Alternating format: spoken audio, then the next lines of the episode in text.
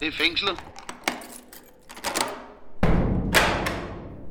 Du lytter til en serie podcast fra Fængselshistorisk Selskab, hvor vi sætter fokus på det danske fængselsvæsen i fortiden og i nutid og indimellem i fremtiden. Så er der faktisk en socialrådgiver på kommunen, der fortæller mig, at uh, Ralf, du skulle tage og søge ind som fængselsbetjent. Fordi du er lige typen, og så siger jeg, fængselsbetjent? Jeg har aldrig spekuleret i den retning. Aldrig. Men indimellem slår livet nogle sving, og det man aldrig havde tænkt på, viser sig at blive ens arbejdsliv. Ralf Jessen er pensioneret arrestforvarer. I 1979 blev han ansat i Tønder Arresthus, og fra sit hjem i Gram i Sønderjylland fortæller han nu om hverdagen i det lille arresthus. Tønder Arrest er jo sammen med de tre andre sønderjyske arresthuse. De har jo været under tysk herredømme. Det vil sige, Tønder Arrest, den er bygget under 1. verdenskrig i 1916. Og historien den går på, at den skulle være bygget af kvinder. I det mændene de var jo indkaldt til krigen, deltog i krigen i Tyskland, eller hvad hedder det, i Frankrig og i Rusland. Og øh, man har så prøvet at spore det, men man mener, at det måske er en, en, en at, det, at det, det, det kan ikke hænge sammen, altså det passer ikke. Og øh, man formoder, at det måske er tyske fanger, der i stedet har bygget den. Men, men den er jo specielt tønder på den måde, at det er jo en rigtig hyggelig, hvad skal man sige, købstadsarrest. Øh, da jeg startede op der i 79, der var der storkeret på skorstenen, og der var skamstorke. Og øh, som arrestoren han sagde, omkring øh, 9. april, der kommer de, plejer de at komme sydfra, det gør storken også, sagde han. Og øhm, det har der så været i nogle år, så er det jo selvfølgelig stoppet. Det var lidt ABC om arresthuset i Tønder, og så som du fik sagt, så begynder dit arbejdsliv jo i 79, og det kom til at handle om noget lidt andet end storke. Kan du ikke prøve at beskrive din første arbejdsdag, hvad der skete, da du begyndte der? Jo, den var jo ret så spændende, fordi normalt der starter, starter man jo, hvis man bliver antaget på et, på et statsfængsel. Men øh, det har i lang tid været øh, forhandlinger med, med Dansk Fængselsforbund om, at man skulle opnå mere personalet.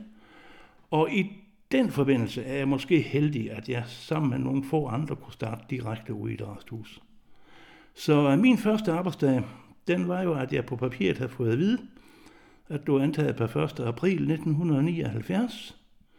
Da 1. april er en søndag, betragtes det som en fridag, og du skal møde om mandagen.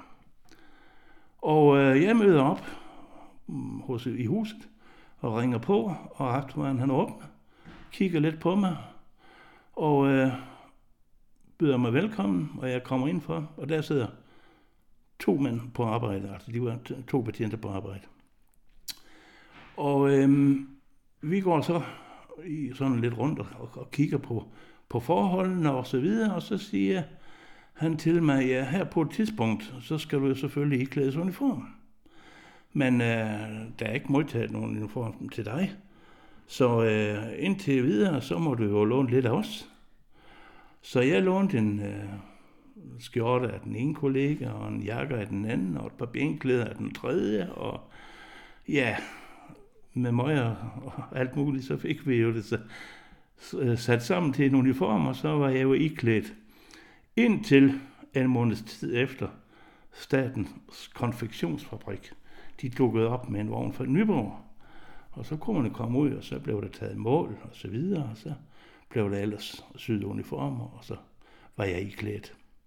Men det, der var specielt den første dag, det var jo selvfølgelig, at da vi havde været rundt og og se de forskellige celler, og hvordan indsatte de både med etage og så videre, så syntes de, det kunne være fint, at jeg øh, tog med på den første gårdtur.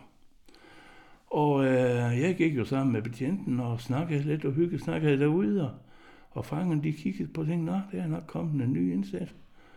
Lige pludselig så siger den ene, prøv at se ham der, han har en nøgle, han har en nøgle. Altså jeg havde kommet jo i, mødte måske et par kopperbukser eller et eller andet. Og de kiggede på, hvordan kan han have den nøgle, ikke? Men da jeg så går hen og åbner døren, da vi så skal ind, så var de godt klar over, ah, det var en fra det forkerte hold, ham der. Og øhm, i, da vi er kommet ind og i huset der, så siger han jo også, den ene af betjenten eller kollegaen der, så siger han, nu skal du med rundt og se, hvad det er, vi har her, siger han. Og så fortæller han mig jo, at jeg var jo ganske uerfaren og helt ny i det her. Så fortæller han mig jo, at her i Tønder, der sidder selvfølgelig varetægtsarrestanter og anholdte. Det vil sige, politiet har anholdt nogle personer, så kan de sidde her i arresten i 24 timer, så skal de fremstilles for en dommer, så kan de enten løslades, eller de kan blive varetægtsfængslet.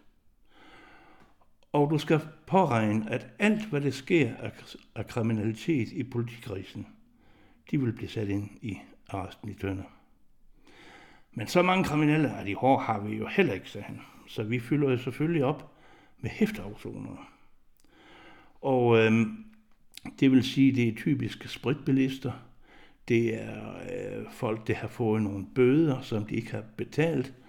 Og så er de bøder blevet omsat til hæfte, og så kunne man så afzone dem. Og øh, jeg husker tydeligt, at den allerførste dør, vi åbner, så siger han, ham her, vi nu åbner for, ham skal du passe på. Han er meget, meget farlig. Han har skåret halsen over på en taxa, øh, vognmand, og du skal aldrig vende ryggen til ham. Og øh, så tænkte jeg, hold da op, kan det ske hernede? Så luk, blev døren lukket igen, så åbnede for den næste. Så siger han, ham der sidder her, ham skal du passe på. Han er meget, meget farlig. Han har voldtaget en, nogle damer, og, øh, det, og det er sket på frygtelig vis simpelthen, så han var bestemt også farlig. Og så tænkte jeg, hvis det her det fortsætter, så er jeg væk her inden fyraften. Men øh, så stoppede det. Og så kom de almindelige, almindelige bødefolk og så videre, og de var, jamen det var sådan set ganske fredeligt. Inden du fortsætter, Ralf, så skal jeg lige høre, altså det lyder som en pænt udfordrende første arbejdsdag og første arbejdstid på et helt nyt sted. Hvor gammel var du egentlig? Jeg var 26 år. Og hvad var din baggrund for at blive fængselsbetjent? Ja, altså, jeg, altså jeg er jo født og opvokset i Sønderjylland. Øh, men da jeg var 18 år, jeg har altid haft en interesse i at, at komme ud og opleve noget, og måske også det, det spændende og så videre, hvor man kunne, hvor man kunne øh, få tilbudt. Så, så da jeg var 18 år, der øh, tog jeg i Søværnet og lavede en kontrakt på øh, 6 år. Og øh, der blev jeg så uddannet ind i, som professionel soldat i Søværnet. Og man skal huske dengang der i, i 71, der kom ind, det var jo under den kolde krig. Så det var ret så spændende at, at være ansat der. Og øhm, der var jeg så til 76. Og øhm, så havde vi jo vores, jeg havde fundet min kone, i, i, mens jeg boede i København. Vi boede i øvrigt inde i både. Og øh, vi havde jo alt vores familie her i Jylland, så det var naturligt, at vi prøvede at søge, søge tilbage. Det var jo dengang, hvor broen ikke var der endnu, og man skulle sejle over og de der ting. Så, øh, og det gør faktisk, at jeg får job. Jeg søger forskellige jobs. Vi havde lang opstigelsesfrist, og det gjorde faktisk, at jeg blev tilbudt flere steder, men man kunne ikke vente på mig så lang tid. Og øh, det beklagede jeg, og så sagde, fik jeg lov til at forsvarsministeriet, at, at jeg godt kunne få lov at slippe øh, kortere, altså hvis, hvis jeg, vi havde noget på hånden. Og øh, så hernede på slottet i Gram ved Greve Brokken hos Jack, han søgte en lagerforvalter på sit teglværk. Det var jo et kæmpe foretagende dengang med stort landbrug, skovbrug, teglværk osv. Og øh, jeg var til samtale og for tilbudt stillingen. Og jeg fik en tjenestebolig, en skøn tjenestebolig lige over for slottet og så videre, så vi havde jo noget at bo i med det samme. Og det var jo ligesom grunden til, at, at vi øh, bosatte os i Gram og har, har været til siden. Ikke? Og det var så her for Gram, hvor vi sidder nu i, din, i dit hjem, og jeg taler med dig. Det var altså så her for Gram, at du søgte videre til Tønder. Ja, altså så var jeg så øh, en kort, øh, så ligesom at prøve noget andet, og øh, i forbindelse med noget lønforhandling med, med greven, han var en hård bandit, hvor det han gik så søgte jeg en, en kort vej, så kort, søgte jeg en stilling på kommunen, som jeg også, også var heldig at få. Men øh, kemien, det, det, det, det passede ikke. Vi passede ikke sammen. Så det, det, det var kun en kortere periode. Og så er det faktisk en socialrådgiver på kommunen, der fortæller mig, at uh, Ralf, du skulle tage og søge ind som fængselsbetjent. Fordi du er lige typen, og så siger jeg, fængselsbetjent? Jeg har aldrig spekuleret i den retning. Aldrig. Og så vil skaben, at da jeg kommer hjem, så annoncerer man efter fængselsbetjente. Og det var ret så heldigt, fordi så var papirerne var sådan set klar til at udfylde. Og øh, den annonce, kan jeg huske, man, øh, man lagde op dengang, den var jo ikke nær så spændende, som man ser dem i dag. Annoncen dengang, den var sådan jævn kedelig, kan man sige. Og øh, så stod der blandt andet i annoncen, at man blev opfordret til at læse en bog af Karl Aude, det hed Fra fængsel til frihed. Og den gik jeg selvfølgelig på biblioteket for at låne, og den skulle så hjemkaldes. Det var ikke en, de havde i, i hylden, på hylden. Og øh, jeg læste den igen flere gange, og jeg synes godt nok ikke, det gav meget indblik, fordi de billeder, der var der, det var nogle gamle billeder med uniformer, med, med, med guldknapper og en hel masse ting, og jeg synes, det var, det kunne ikke passe, det var sådan i, i, i dag, men øh, jeg gjorde, som det blev sagt. Og så fik du en stilling? Ja, så kommer man jo til optagelsesprøve og, og øh, tager de test igennem og alt, hvad man nu skal, og så ender det jo med en samtale, og så, så jeg tror jeg, man skulle skrive på ansøgningen, hvor man kunne tænke sig at gøre tjeneste. Jeg havde hørt om Renbæk, og øh, at det var lort fængsel ude i Renbæk. Så det tænkte jeg, at det ligger her i Sønderland, det må jeg hellere skrive på. Og så kan jeg huske, at en af forhørslederne, hvad man skal kalde dem, i ansættelseskomiteen, der siger, jamen, øh, du har skrevet en Renbæk, vi skal ikke bruge nogen i Renbæk. Og så tænkte jeg, nu går der som alle de andre, nu skal jeg møde enten Nyborg eller Horsens, eller en på Vestre Fængsel, den der havde, øh, så, jeg, så kunne jeg se øh, ude i gruppen der, ikke? Og så siger han lige pludselig, siger han, hvor langt har du til Tønder? Tønder, siger jeg. Det er ikke langt. Det er 50 kilometer måske men ligger der et fængsel i Tønder, siger jeg. Ja, der ligger en rest, sagde han så. Er du frisk på at starte der den første? Ja, tak. Det var vejen. Og så begyndte du. Og hvad er et arresthus egentlig? Ja, altså arresthuset er jo, hvad skal vi sige, det er jo stedet, hvor politiet de anholder personer, som, som de øh, har tanker om at, at, at, at fængsle. Eller en sag skal undersøges nærmere. Og så bliver man jo anholdt og sat i en resthus. Vel at mærke, at det skal være, det skal være, nogle, det skal være nogle straffelovs overtrædelser, som begrunder en, en, en anholdelse og fængsling. Og øh, hvis så, at juristerne de mener, at der er hold i anklagen, så kan, kan man blive fremsat for en dommer inden for 24 timer, og så kan man jo enten blive løsladt, eller man kan blive varetægtsfængslet. Og øhm, det er maksimalt fire uger, så skal man fremstilles for en dommer igen. Og efterhånden som tingene skrider frem, og hvad skal vi sige, anklagemyndigheden, de arbejder mere og mere ned i sagen, så kan man jo få sin frist forlænget, og vi har oplevet indsatte, der har siddet både et og to år i et resthus, inden de får dom. Øh, det har været specielt sager, i, typisk i de store narkosager osv., men, men det kan forekomme også i drabsager. Det kan også uh, trække ud i rigtig lang tid.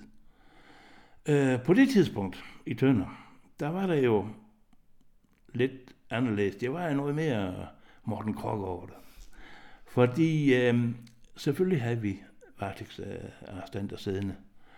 Og, øh, men det var jo begrænset, hvor meget det skete i øh, Tønder politikreds. Så øh, direktoratet, de har jo selvfølgelig sagt, jamen øh, vi fylder op med hæftafsoner.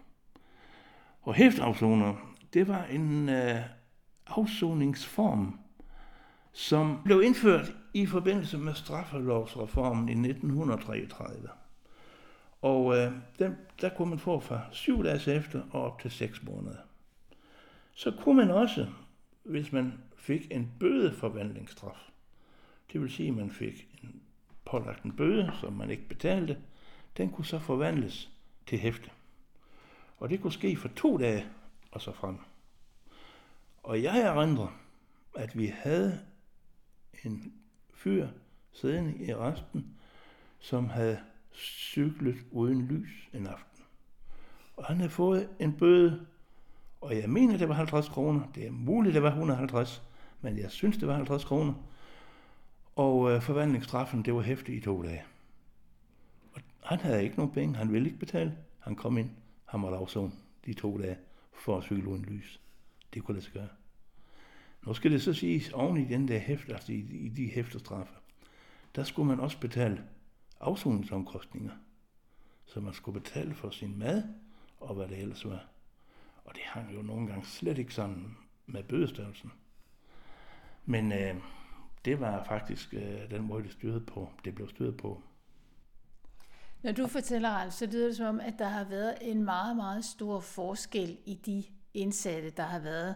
Øh, altså, der har været nogle virkelig voldsomme øh, forbrydelser, som du, du mødte på din første arbejdsdag, ja. og så er der så øh, det her med at køre lidt uden ja. cykellys, som man også ja. kan komme ind og at sidde for. Alligevel, hvordan vil du betegne den, den type af kriminelle, som kom ind der i slutningen af 70'erne og 80'erne? Hvad var det for en gruppe?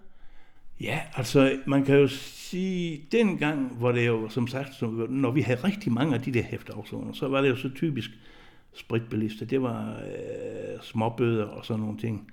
Det kom ind, og, og, og det, det, gav sin, altså det, det gav sig selv. Altså, det var typisk en, en spritbilist, øh, det var 10 dages øh, hæfte og så videre, og så, og så blev det løsladt igen. Ikke? Men, men, men det, der også gjorde det specielt øh, i det, på sådan et lille tjenestested, det var jo, at bemandingen den var enormt lille. Vi gik faktisk ene gang. Det vil sige, Øhm, da jeg blev ansat, så havde jeg nok oplæring måske højst 14 dage. Så gik jeg alene. Og øh, jeg havde arrestforhånd som bagvagt, men han sad af på sit kontor. Og øh, det vil sige, at jeg gik og serviceret de der 17 indsatte, inklusiv de farlige, fuldstændig alene. Der var en gangmand, som gik og som øh, vaskede gulv og, og gjorde rent og så videre. Hans dør, den var åben. Så ham kunne man jo så håbe på, at han ville trykke på overfaldsalarmen, hvis man røg i et, et, et, et slagsmål. Overfaldsknappen, den sad sådan en halvanden meter op på væggen. Så når man lå ned på gulvet og røgte rundt med en, så var det altså langt derop. Men sådan var forholdet dengang. Og så om natten, så lå man derovre, og så var et opkald. Så var reglen, at man skulle altid om natten være to, når man lukkede op for en. Så jeg måtte ringe over efter retsfonden. Og så i han så kom over, så åbnede vi døren, og den indsatte skulle måske på toilet, og så videre, og så lukkede vi af.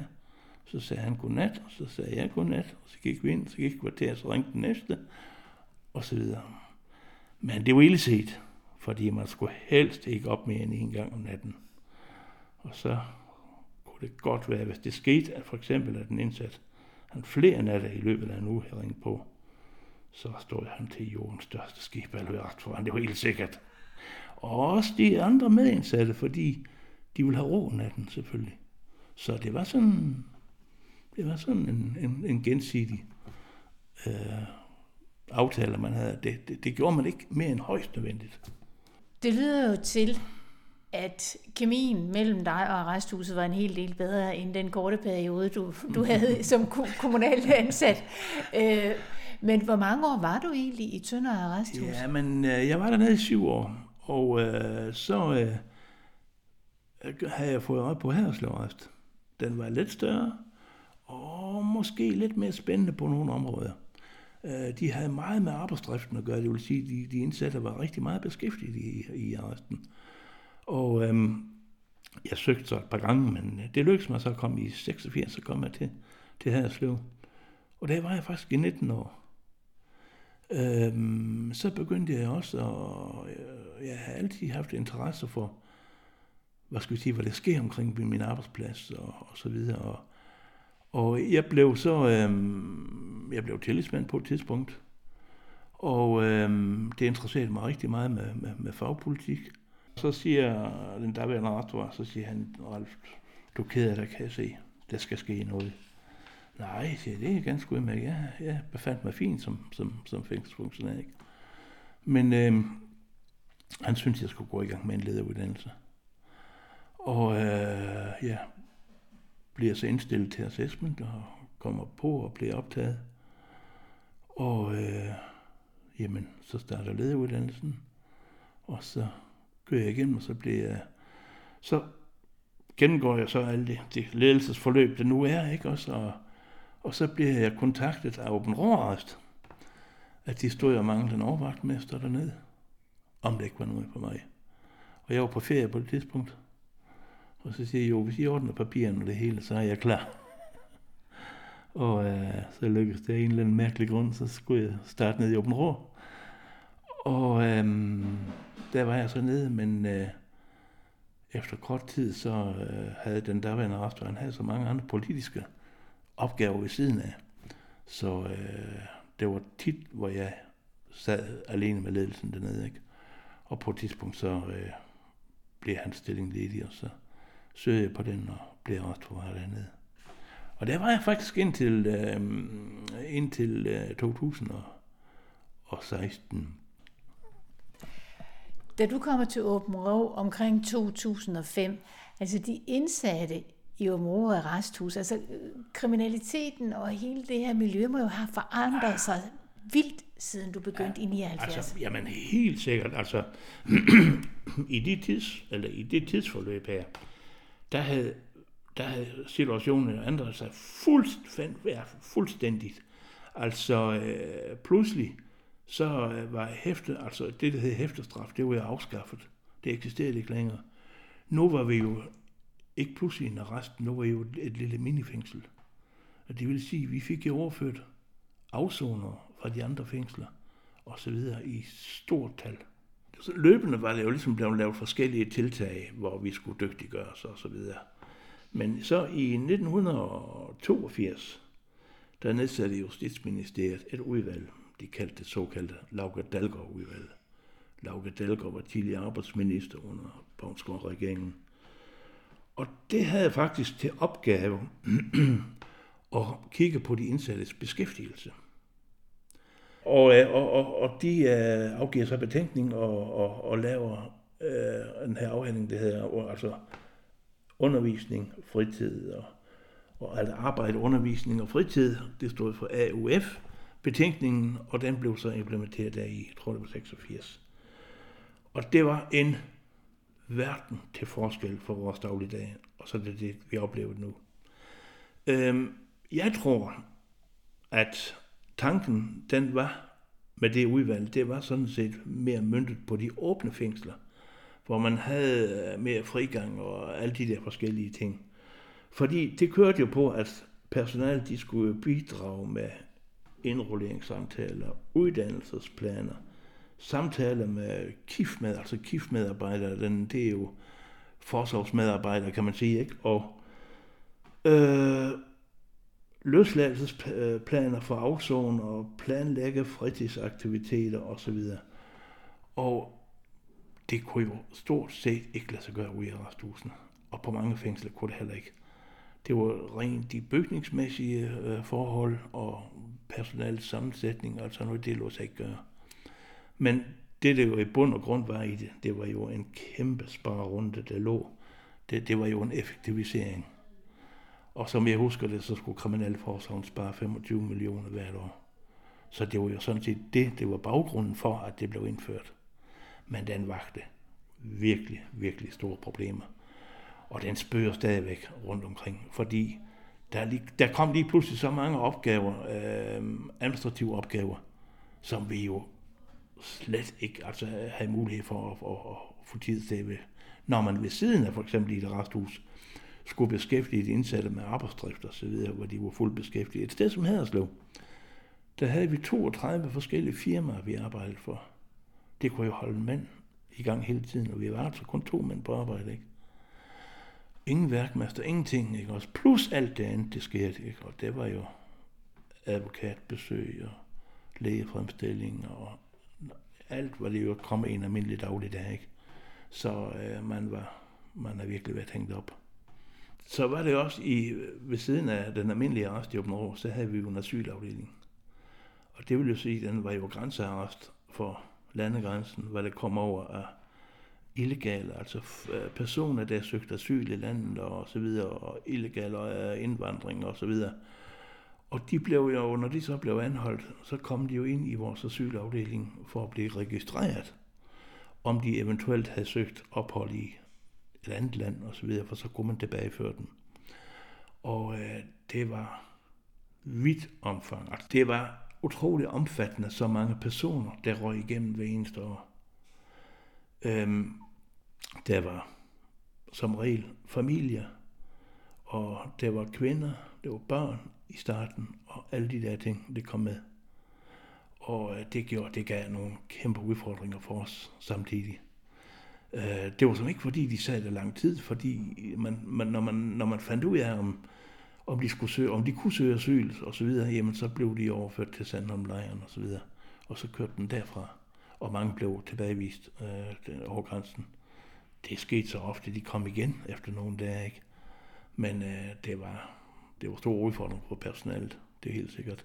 Fordi problemet var jo med nogle af de der asylanter, der kom over og, og illegale i særdeleshed, altså dem, der har forsøgt illegalt at, at, at krydse grænsen, vi kendte dem jo ikke man havde jo kun et, øh, man havde jo kun deres, øh, deres fingeraftryk, og så skulle man jo i gang med at undersøge, hvem de var.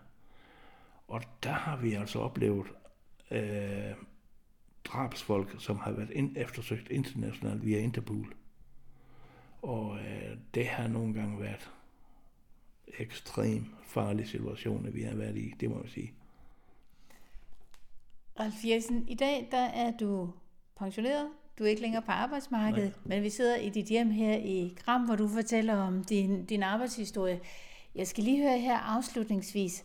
Arresthuset i Tønder, hvor du indledte din arbejdskarriere, eksisterer det stadig? Nej, desværre. Altså, øhm, i, 1900, nej, i 2015, der valgte man simpelthen at lukke den ned. Og øh, jeg tror i dag, den er solgt til noget privat, et land, som jeg dårligt ved hvad.